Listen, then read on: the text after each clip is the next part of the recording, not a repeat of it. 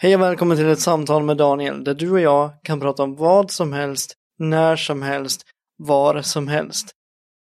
Och idag så ska vi prata om vad man ska tänka på när man pratar med någon om psykisk ohälsa.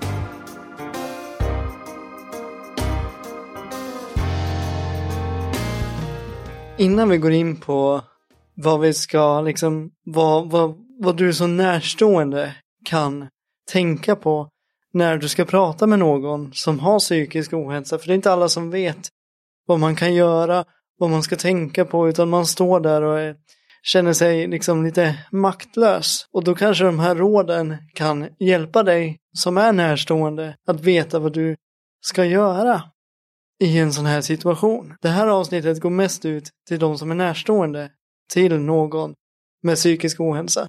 Men den andra halvan går ut på att jag har hittat frågor på nätet som jag tänkte att jag ska svara på, som du också kan svara på. Du svarar för dig själv och jag svarar för mig själv. Men reflektera över de här frågorna. Vi reflekterar över dem, vi pratar om dem. Om du vill så får du jättegärna ta fram ett anteckningsblock eller om du bara vill lyssna och tänka frågorna i ditt huvud så går det också bra. Första frågan lyder så här, och är ni med nu? Tycker du också att det är tungt att kliva upp ibland? Och ja, jag tycker det är jättetungt att kliva upp minst, eh, vad ska man säga, fyra av sju dagar i veckan. Är det jättetungt för mig att kliva upp och ens tänka tanken på vad jag ska göra under dagen. Liksom. Och då är det här viktigt att man har en närstående som förstår en, som inte dömer en, som man vet att man kan ringa och som kommer att hjälpa en när man har en sån dag då man inte ens orkar kliva upp ur sängen. Är ni med på vad jag menar? Så därför är det viktigt att, att, att de som är nära dig, som de som står dig närmst, ska veta när du har det jobbigt och hur du har det jobbigt och att de ska förstå att du har det jobbigt. Och inte att de liksom ska tänka, men det är bara att göra det. För det är inte bara att göra. Vi som lever med psykisk ohälsa, vi, vi, vissa dagar kämpar man för att andas och vissa dagar kämpar man för att ta sig upp ur sängen. Vissa dagar kämpar vi inte alls, vi bara ligger där och jag vet inte, vi bara, vi bara existerar den dagen. Och ibland måste det få vara så. Och det är ingen som ska behöva döma en för det. Men, fråga ett. Tycker du att det är tungt att kliva upp ibland? Ja, det gör jag. Och mitt svar till varför fick ni där ganska kanske lite långdraget, men ni fick det i alla fall. Och jag vill ju som sagt att ni också ska svara på det här, om det är att ni antecknar eller, eller reflekterar i ditt eget huvud om du åker bil, om du är på gymmet eller vad du än lyssnar på det här avsnittet så vill jag att du också ska reflektera över de här frågorna, för det kan vara viktigt för dig också. Fråga två då. Vad ger ditt liv mening? För mig, det som ger mig, mitt liv mening, det är min familj och mina vänner och att jag, ja, det är min familj och mina vänner. Deras stöd, deras kärlek. Det är de som liksom får mig genom dagen, att de finns där för mig, jag finns där för dem, vi finns där för varandra. Så meningen för mig är min familj. När jag inte orkar leva för mig själv så lever jag för dem. Men sen så har vi mitt andliga perspektiv och det som ger mitt liv mening, det är min tro. Min tro på, på Jesus och jag tror inte jag behöver gå in så mycket på det. Ni vet att jag är kristen. Kort sagt, min tro ger mitt liv en mening och jag tänker inte sitta här och förklara hur eller varför det ger mitt liv mening. Det kan vi ta i ett annat avsnitt om ni, säger, om ni, om ni skulle vilja höra det. Kort sagt, vad ger ditt liv mening? Min familj, mina vänner och min tro. Fråga tre. Kan du känna dig tom ibland? Ja.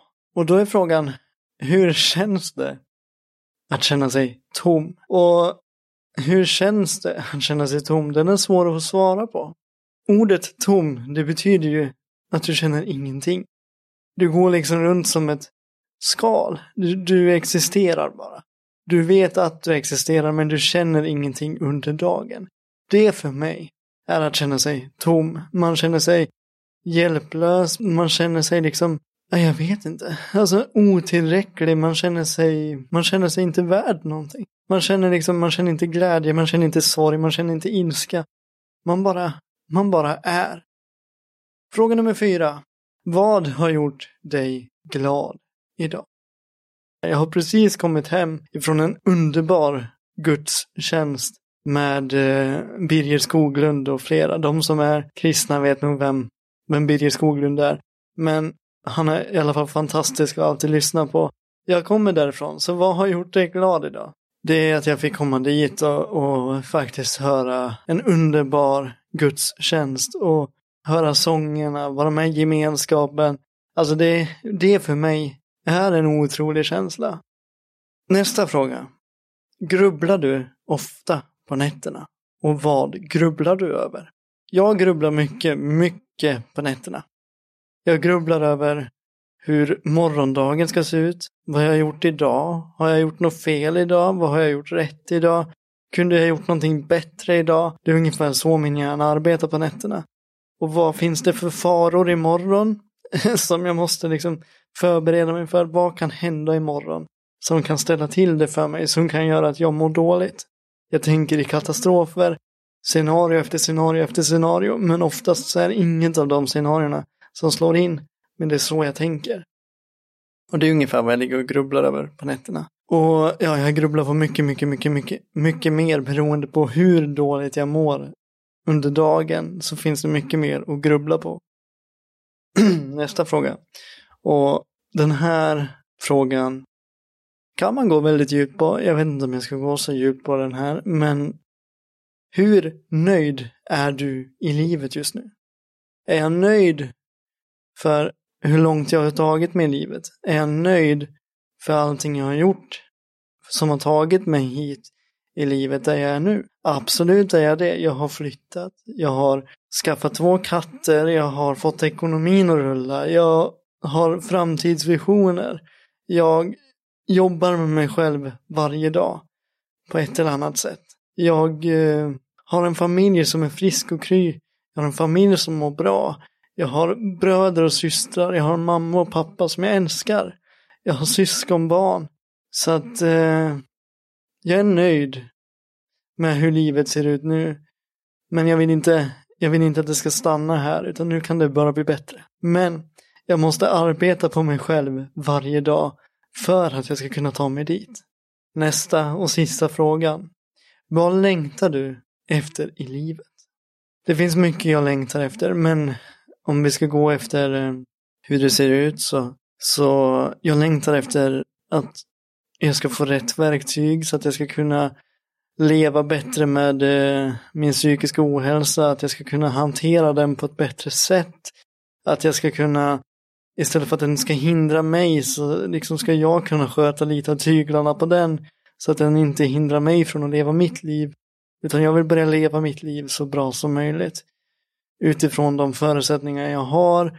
Och jag tror att skulle jag bara få rätt hjälp så skulle det inte bli något större problem. Och jag längtar till den dagen där jag kan få den hjälp jag behöver för att lära mig hantera den, den, eh, de diagnoserna jag har, psykiska ohälsan, depressionen, ångesten och allt det där. Så att jag får lära mig hantera det så att det inte är det som styr mig utan att jag också får styra lite i de tyglarna. Sen längtar jag också efter, jag längtar efter familj, jag längtar efter barn. Jag vill ju bli sån här, äh, jag vill faktiskt bli ungdomspastor eller ungdomsledare eller vad man nu ska kalla det. För jag vill vara bland ungdomarna, jag vill hjälpa ungdomar, jag vill hjälpa människor överlag. Det är det jag brinner för. Jag, eh, jag funderar faktiskt på att skicka in en ansökan till att bli en ungdomsledare eller ungdomspastor. Det var sista frågan och jag tänker att eh, mina kära närstående vänner till de med psykisk ohälsa. Nu ska ni lyssna. För nu kommer vi till vad ni ska tänka på när ni pratar med någon som har psykisk ohälsa.